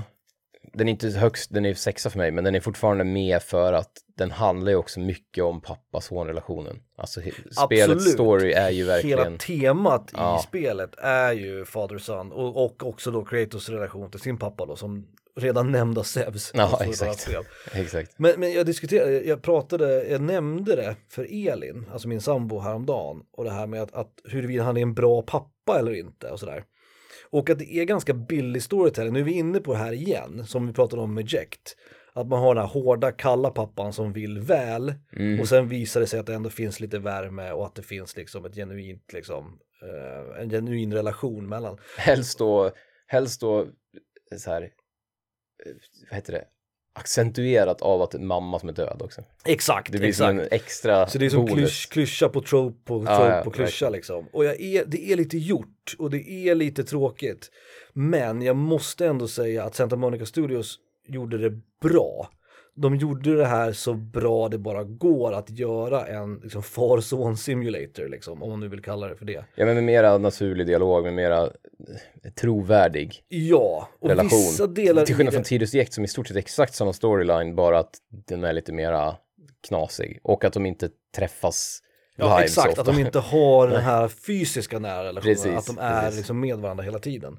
Eh, men det är också att, att det är också integrerat i gameplayet, det gillar jag. Att det är lite tutorial och Atreus blir ju bättre ju mer han slåss med sin pappa och sådär. Inte med sin pappa utan alltså tillsammans med sin pappa. Eh, så det är också integrerat i gameplayet på ett sätt. Och det gillar jag. Eh, Ja, ja, och ja. det är någon gång till och med när man har spelat en stund att så här, det står typ så här, Atreus has now gained new confidence in combat, så nu kan han göra de här grejerna. Att det också finns en lite naturlig progression i det. Återigen, kanske lite gjort och kanske lite klyschigt och väl enkelt, att helt plötsligt så kan han dropkicka fiender. Ja. Varför kunde han inte göra det innan liksom? Han är fortfarande sju och ett halvt eller vad fan han ska vara. Liksom. Exakt, men ja, jag tycker att de ändå har lyckats göra det bra. Det är den bästa Father Son simulatorn där ute, det är det absolut. Så det blev min plats nummer två till slut. Mm. Men jag tänkte faktiskt några extra vänder på det. Mm, mm, mm. Min andra plats är också en crossover. Oh, Och vänta. du vet precis vad det är så du behöver inte ens Eh, jag måste fan tänka. slå ett getöga så kan Ja, men det måste vara Jacked. Nej. What? Nej. Heihachi? Hayachi! Ja, såklart. Ja, då så. Mishima! Ja, Jag trodde inte att du, ja okej, ja. men Hayachi var ju ett av de första jag tänkte på. Herregud. Favorit, favoritpappsen i tv-spel. Mm. Slänga ner i vulkanpappa. Han är ju inte som sagt, han är en dålig pappa, men det är ändå roligt. Mm. Det är ju också din favoritkaraktär. Ja, det är min main liksom. Jag, jag älskar honom av hela mitt hjärta. Hans jävla karate-gi, Mm. sönderslitna axlar. Med hans- tigern på ryggen. Ja, ja, och hans, nice. hans jävla så här rikemans så här skjort, kråsskjorta med typ kravatt, ja men du vet, Mm. så här fina kavajer. Typ. Pälskappa liksom. Och hans då mera så här, du vet, så här stora byxor med en stort rep runt. Mm. Som ser ut som någonting ur Naruto liksom. Mm. Men är väl någon jävla japanskt sån här typ tempel tjofräs liksom. Akuma och Goken har ju där i Street Fighter Ja, också, ja. de här stora repen liksom. N- någonting kopplat med någon munkar eller yokai, du vet, skit Ja. och sånt där, jag vet inte. Ja, ja, ja. Fan vet jag liksom. Hayachi är kul. Han är Bra bra. design också som vi sa. Ja. Ehm, och Dad of the Year, han slänger ner sin son i Det blir på något sätt också, det blir också den här, för när man spelar, när man spelar fightspel och pratar och kör lite så här trash talk, Mm. det är väldigt kul när man möter Kazuya så säger man jag ska slänga ner en liten vulkan igen. Ja, precis. Och det blir också en rolig grej det här med att man då, man får liksom ta rollen som de här, och när man spöar den andra så kan man liksom ta karaktären med sig i Mm. rollen på något sätt och Mm. säga någonting som har med storyn att göra. Typ. Mm. Och det, då passar det så jävla bra att han är, det är därför det är kul att spela med någon som är den ultimata skurkbossen liksom. Sant. Och säga Sant. att jag ska dänga dig och slänga ner en jävla vulkan. Liksom. Mm. Det är kul. Så det, precis, och det, och det ger ju inte lika mycket när jag kör med Chan-Li till exempel. Hon är såhär, hej jatta! Mm. Och du vet, ja jag är en liten tjej från Kina som läser böcker och Mm. ska hämnas med döda, jag vet inte vad liksom. Ja, hennes pappa. va? Ja, boring liksom. Mm. Men när man kör med Hachi då kan man verkligen säga nu jävlar, jag, nu, det, det blir på något sätt, det hjälper en med att spöa folk genom att det är det karaktären ska göra. Han är ond, liksom. det är det han gör. Han, spö, han skiter fullständigt i någons döda pappa. Det, det, liksom. det finns något liksom, nästan någon form av katarsis i det. Ja, exakt. Att det är ju roligare att spela med, med Ja. Bison liksom, Ja, än gud, vad det är att spela med Ken. Liksom. Ja, och det är en av de stora anledningarna till att, att Urien, som är min favoritkaraktär från Street Fighter-serien, han är ju bara ett svin. Mm. Han är bara otrevlig mot alla, han är arrogant och han är så här, du vet. Mm, men det finns någonting i det. Så det känns nästan som att när man spelar honom så kan man också vara så här, ja ja, whatever, det finns ingenting on the line. Liksom. Det känns som att när det är en match som slutar på millimetern, eller du Mm. vet sekunden, då känns det som att man vann för att man hade det, den Mm, liksom. ja, jag med, jag Lite som att vara på hemmaplan på något sätt. Mm. Att jag är den som ska spöa för att jag är skurken. Det Mm. är jag som är Darth Vader. Nu jävlar ska jag dänga Luke åt helvete liksom. Nu finns ju inte det i tecken, men Street Fighter har ju så här win quotes också. Mm. Och då är det extra kul om man är en ond, som Urien kallar ju folk för worm, det är kul. Så här, you igni- insignificant worm och sådana grejer. Och det är, alltid, det är alltid roligare än att vara så här, oh, you fought well, that was a good battle. Det är så, nej, Ja, nej, nej, nej, nej, nej, nej, nej, nej. Jag vill höra, jag vill höra för- nu, din jävla, jävla, jävla sopa, du jävla dålig, kassa jävel. Vi är inte här för att dricka te tillsammans. liksom. exakt, exakt. Ja, det är kul.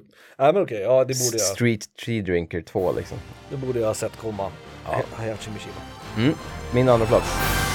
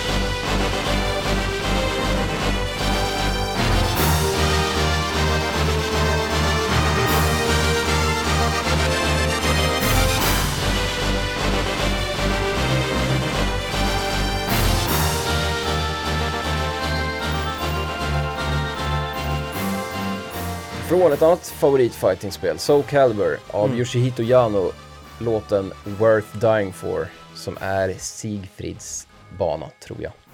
Eller temalåt eller Från vilket av dem? Första Soul Calibur. Ah, okej okej.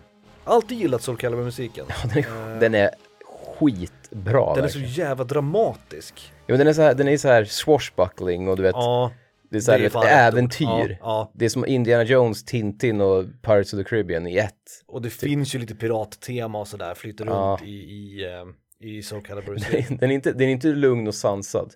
Och det är så på något sätt motsatsen till att köra typ, ja men så den här väderkvarnslåten från det som jag alltid kommer glömma vad det Marvel heter. Capcom. Ja, Mark of the Millennium och så vidare. Ja, det är Capcom vs SNK. Då, för då kör man med någon så här mjuk, så här loungy house eller någonting i bakgrunden. ja.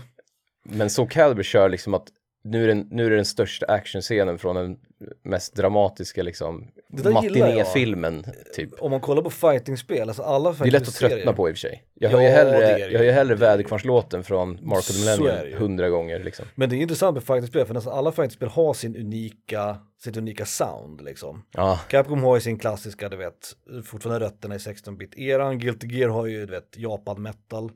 Så Calibur har den där, Tekken har ju sin techno, liksom, funkgrej. Ehm, så att alla liksom fightingspel-serier har ju sin egna lilla touch liksom på musiken. Det kan, jag, det kan jag faktiskt uppskatta mm, mm. mycket. Uh, Recap-dags då, innan vi droppar våra ettor. jag börjar. Yes. 10 Mom från Mom Hid My Game. Varför låter det som en robot? Nionde plats Zevs från Immortals Phoenix Rising. Åttonde plats Rost, Johannes Rost från Horizon Zero Dawn. Sjunde plats Samantha, Blankas mamma från Street Fighter 2. Den var bra, den var snygg. Deep cut. Ja men, ja. Jag visste jag skulle tycka om det. Sexan är Kratos, tråkigt nog, från God of War. Femman är Ness mamma från Earthbound. Fyra är Bowser. Tre är Octodad från Octodad. Två är Hachi från Tekken-serien och etta kommer jag inte berätta. Nice. Uh, min tionde plats uh, var Jekt från Final Fantasy 10. Nian var Dr. Light från Mega Man-serien. Åttan var Jade från Beyond Good and Evil. Sjuan var en crossover, Heihachi Mishima från Tekken-serien. Sexan var Dracula. Femman var Samus. Fyran var John Marston från Red Dead Redemption. Trean var Hakan från Street Fighter 4. Och tvåan var också en crossover då, eh, Kratos. Eh, det kanske är det mest uppenbara på listan kan man tycka. Mm. Jag är 99,9% säker på att jag har din etta. Och, Nej, nej, och nej, nej. Om du inte har den så kommer du säga fan, den skulle vara min etta. Men okej, vänta nu. Men Care- det är min etta först. Care to make it interesting. Mm. Vad, vad vill du satsa på det här då? Okej, så här är det. Att om ni... En extra i vitrinskåpet? Fast jag vill, jag vill ha två saker. Ett straff? Jag, vill, jag vill ha två outs här. Ja. Antingen att jag har rätt, att det är den som Ja, då får du något. Men jag vill också att om det inte är rätt, Och jag säger det här, det fan det, det skulle det varit min borde ha varit min etta. Ja, Då vill jag ha cred för det på något sätt. Så kan vi, vi, kan, vi kan göra upp eh, straff och belöningar ja sen. okej, fair enough. Men vi kör min etta först. Mm. Min etta är faktiskt det första och enda föräldraparet på min eh, lista. Eh, det här är Jack och Marguerite Baker från Resident Evil 7. Ah, Mamma och pappa Baker ehm, Ja. från Resident Evil 7. Bra Av val. flera anledningar. Nummer ett så är båda två skitroliga bossar. I, en serie som inte har speciellt roliga bossar, ska vi säga, Resident Evil. Mm. De är intressanta karaktärer, eh, de är jävligt onda och äckliga och liksom man hatar dem från första sekund. Ja, sen blir det lite spoilers och sådär. Sen blir det lite spoilers eh, och att man kanske får omvärdera sin tanke lite om dem, vilket är intressant. Mm. Och att de har också barnen där, eh, Lucas och Zoe, är också intressanta i sig. Och hela familjetemat som faktiskt också existerar i Resident Evil 7 tycker jag är ganska intressant. Eh, och de bygger ju på det där lite grann sen i Resident Evil 8, eller Resident Evil Village. När Ethan då eh, och... Eh, det, det är det med de moderna, från Mm. fyran och framåt, Resident Evil-spelen, så är det alltid att alla skurkar är typ en, om de inte är en familj som de faktiskt är i sjuan, de? Mm. så är de ett gäng skurkar som antingen är släktingar eller så är de bara typ ett, ett tajt gäng som liksom, det, det känns som att de är en familj. Mm. Det är samma sak i fyran, de är inte familj, de är inte liksom, men de, de har blivit en familj genom Mm. den här sekten liksom, Mm, och mm. på något sätt. Salazar och, och Big Cheesen där och allt liksom. Mm. Och det känns som att det, det är en jävligt rolig grej att, att slåss. Det blir lite som Megaman. Man får ett galleri av bossar typ. Ja, Det är de här fem du Exakt. kommer att som kommer att spruta in något jävla virus i armen och bli stora monster som du behöver spöa typ. Och, och som sagt, det bygger de ju på i åttan, men det funkar så jävla bra i sjuan. Mm. För där finns det också en annan koppling till familj då som är kopplat till liksom, eh, spelets huvudantagonist eh, kan man väl säga utan att spoila allt för mycket. Ja. Ehm, så Jack och Margaret Baker är min plats nummer ett. Och för att avsluta min lista så ville jag ha en Resident Evil-låt. Men jag hittade ingen som jag ville spela för Resident Evil, Resident Evil du vet, du vet vad det är grejen med Resident Evil-spelen. Däremot ett soundtrack och kopplat till Jack, för kompositören heter Jack. Vet du vilken spel jag pratar om då? Det är inte Richard Jock du pratar om nu. Nej. det är Jack Wall. ah, Mass kompositör till Mass Effect. Och från Mass Effect 2, min favoritlåt från Mass Effect 2, The Normandy Reborn.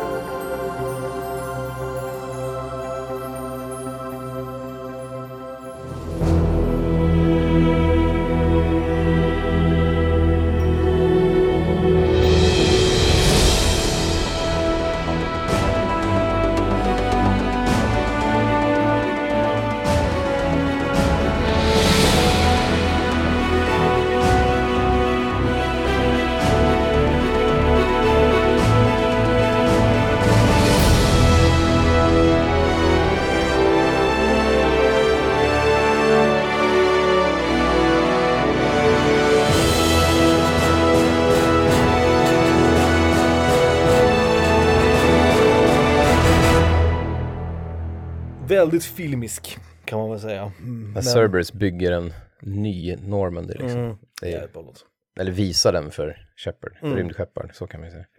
Ja, din jävla etta då? Ja, vad var min etta nu då? Din etta måste vara Better than mamma. Cooking mamma. Va? Den är skitbra!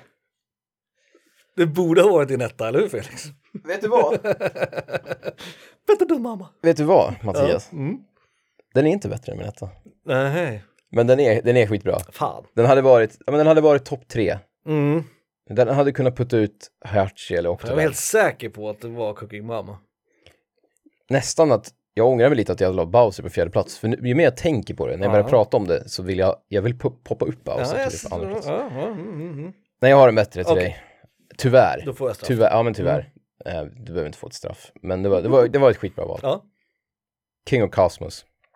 We Love Katamari. ja, Katamari, ja. just det. Den tänkte jag också lite grann på, men jag tänkte inte att, jag tänkte att du skulle ha lite lägre. Ja, Men det finns bara en sån jävla glädje i, alltså det soundtracket Mm. och det, det spelet och liksom relationen, att han, han låter sin prins då springa runt och rulla upp skit för de ska rulla in planeter i solen. Mm. Och allt han säger är gibberish basically. Han säger, han är, men han är alltid så här stöttande. Mm. Och, han, och det är också så här, i det så, för då snackar de med hans mamma också. Och då är det så här, jag och din mor vill att du, Mm. du är en, det är mycket så här, han, jag vet inte hur fan de, för det spelet är ju bara konstigt. Ja, Uh, Will of Katamari tror jag är tvåan. ja, Uh, som Katamari 2003 Damacy- till Playstation 2, som, som är liksom det, jag tror att det är ett av de största Katamari-spelen. Det är det mest liksom spelade kanske. det måste det nästan vara. För att, det blev, för att det släpptes hela världen och bla bla, jag vet faktiskt inte. Men, Nej. Men det är också kul för att han, han, han uppmuntrar den hela tiden. Det är som motsatsen till jäkt. Han liksom är så här, Ja, ja. du är stark, du är den bästa sonen man Han kan är, ha. han är en stöttande pappa, Ja, det är verkligen. Och sen så snackar om massa skit och konstiga, han bara säger massa konstiga grejer. Men, Mm. och filmsnuttarna och slutfilmen specifikt eh, till det här jävla soundtracket. Det är så jävla, man blir så jävla glad. Alltså det är så här blodet pumpar, det är ett roligt spel generellt. Och det, det bara, det slutar så jävla roligt och kul. Ja, jag vet inte, jag bara älskar det. Det är ett bra val, det är det. Eh, men Och hur fan- han ser ut är en, en viktig del också. Liksom, Ja, ja, ja. Det är en fantastisk design på honom. Den där gröna jävla helkroppstrumpan. eh, men fan, jag var, jag var fan säker på. Ja, men det, din var jättebra, men jag, jag hade ändå, King of Cosmos, det fanns, det, det, det var etta direkt. Ja, rimligt. rimligt. Jag kom faktiskt inte på den först. För jag, Nej. du vet, man tänkte, jag tänkte lite snävt när vi började snacka om listan, då tänkte jag på sån här, du vet, Leo Clementine, eh, du vet. Mm, Ja, det som vi brukar, det som vi har spenderat fyra säsonger och pratat om. Typ. absolut. Jag det var kul att få komma på någonting Ja. annorlunda. Och Jag tänkte faktiskt, jag gick runt, gick runt. Jag, jag satt och tänkte på det här med föräldraskap. Jag trodde du skulle ha med Leo Clementine. Ja, lite jag blev grann. väldigt glad att du inte hade det faktiskt. Men Jag var inne och rotade på det här med prinsar och prinsessor, för då har de ju oftast en, en, liksom, en drottning och det kung som pappa. Liksom. blodsband. Ja, men eh, de brukar alltid vara liksom i, i skymundan på något sätt. När det finns en prinsessa eller en, en prins så är det oftast inte liksom kungen eller drottningen som är de viktiga. Nej. Oftast. Nej. Eh, men jag vet att han eh, ja, från Katamari dök upp för mig. Jag tänkte på honom och sådär, men jag har inte samma relation till de spelen som du har heller. Nej. Eh, men sen då tänkte jag på, nu när du sa, det första, ditt första val var ju Mom Hit My Game. Eh, och då tänkte jag på, fan Felix har ju Cooking Mamma med 100%. Ja, det. och när den inte kom, Nej men cooking, du har rätt, du har rätt att. Cooking Mama hade varit med på listan, den hade Ja. varit högt. Om jag, jag tänkte inte alls på Cooking Mama. nej. Hon Nice. fick ju skit, ja nej, vi tar den en annan gång, jag kommer fan inte ihåg, men hon fick, då, då fick de backlash för att, inte för kvinnosyn, utan det var någonting annat som gjorde att något av de spelen blev typ jävligt bashade Aha. av någon organisation. Typ djurrätt eller någonting, jag kommer fan inte ihåg. Ja, någonting med veganism att göra eller? Kan ha varit. Att, typ att Cooking Mama i något spel säger att riktiga, riktiga män äter kött, Aha, inte grönsaker, men något, nej men något, okej. någonting, jag vet inte. Nu, nu hittar jag ju på, men någonting sånt. Ja, ja. Bra lista, den blev fan, den blev riktigt bra den här. Både Ja. din och min tycker jag. ja, mycket föräldrar. Eh, Bara att man får ha med liksom Zeus, Bowser och Octodad på samma, ja, samma verk- lista liksom verkligen. på något sätt. jag trodde att du skulle ha med Jacked också. Ja, men Ehm. jäkt, jäkt fanns där. Mm. Men jag ville försöka gå en roligare väg och inte bara den här seriösa, du vet, bra föräldrar eller så här intressanta förhållanden typ. Utan jag ville gå lite bara roliga, så här väl, vet du, minnesvärda föräldrar i spelet. Ja, precis. John Marston och Jade är väl de som är mina seriösa val. Jag vet inte, Jack och Margaret gillade jag för att de är också så integrerade i gameplayet Precis, på ett sätt. precis. Och också därför jag tog med Ness mamma, för att det är en gameplay mechanic. Och Octodad för att man, det hela spel går ut på att man ska spela pappa typ. Mm. Man ska göra pappiga grejer liksom. Och just spela en mamma eller spela en pappa. Jag läste om det där också när jag pratade, den där artikeln som jag nämnde. Eh, om mammor i spel och sådär. Då nämnde de Bayonetta. Att Bayonetta är en mamma. Men det ja, jag har ju visar sig- Bayonetta. Nej, för det visar sig tydligen senare i, i om det är ett uppföljande eller någonting. Att det inte är hennes dotter. Utan det är en, är en tidsresande version av sig själv. Ooh, Vilket, det- Spoiler alert antar Ah, jag. ah. Men eh, jag vet inte om det finns I ett spel som har en helt galen story. Exakt. Eh, och det är så intressant att, att sådana helt skeva grejer är vanligare än att man bara har en mamma. Den som jag nämnde också, Sea Viper, som är en spelbar karaktär i Street Fighter 4. Hon är även med i Marvel vs Capcom 3. Hon är ju faktiskt också mamma. Och i varje intro så, så ringer hon sin dotter. Eller hennes dotter, hon pratar med sin dotter i telefon. Ah, Och så säger hon så här, I have to go now, och så lägger hon på och sånt där. ah, okej. Vilket är, är kul liksom. Ja, Så att, och då är det ju inte integrerat i gameplay men det är väldigt integrerat i karaktären. Och sånt kan man ändå uppskatta. Ah, ja, verkligen. Absolut. Ja men det är fan bra det här. Eh, och eh, som ni alla, jag hoppades att ni alla kollade på GDQ, Awesome Games Done Quick Just det. 2022. Just Eh, de kom upp i 3,42 miljoner dollar. Jag donerade pyttelite, men jag missade söndag, sista dagen. På grund av tidszonerna. På grund av att jag inte fattade vad klockan var i, i Los Angeles och i, i New York. Vad Så var det för... ehm, Jag vet inte vilka de sista spelen var, för jag missade, jag skulle se dem live tänkte jag, sista tre spelen typ, sista tre timmarna nej, vad var det för organisation? Eh, det var eh, Cancer Prevention, Ja ah, okej, för det brukar vara de eller Prevent läkare- Cancer Foundation tror jag de heter, eller något sånt Det där. brukar vara Medicine Sans Frontier. Ja, jag tror att det är på sommaren oftast. Alltså Summer Games. Fan, 3,5 Det är de miljoner. som brukar dra in ännu mer pengar. Ja, Så precis. att, eh, vi, om, och det här slog rekordet på alla, alltså gemensamt, på alla. Ja, och det här det. brukar dra in minst pengar, så antagligen kommer sommaren nu kommer det bli det största GDQ någonsin. Får hoppas att man får ha det på plats då. Det vet man inte, för det här var ju online nu va? Ja, precis. Mm. Och ta mitt tips, alla minibossar. När ni sitter på era jobb, om ni sitter vid en dator, så öppnar ni Twitch-fönster nere i hörnet. Så ni bara har det lite, det har jag gjort nu hela jobbveckan. Jag har haft det i hörnet nere i liksom, bara så här i, i, i vrå, ögonvrån. Mm. Och så kan man bara ha det på i bakgrunden och snegla lite då och då. Och så man hör alla donationer och roliga skämt och sådär. Ja, det är fan, det är som Musikhjälpen fast, fast kul. Och fast intressant och bra. Det, det här får ju stå för Felix. Jag uppmanar istället att vara goda medborgare och arbeta på era arbeten och inte titta på massa trams när ni ska jobba egentligen. Alltså, alltså finns det någon, alltså multitasking, Felix multitasking är mitt andra namn liksom. Är Felix Multitasking ett annat namn? Så du heter Felix, Felix Multitasking. Linje. Ja. Exakt så, vi har ingenting emot er. Ingenting alls. Vi hörs om två veckor. Puss!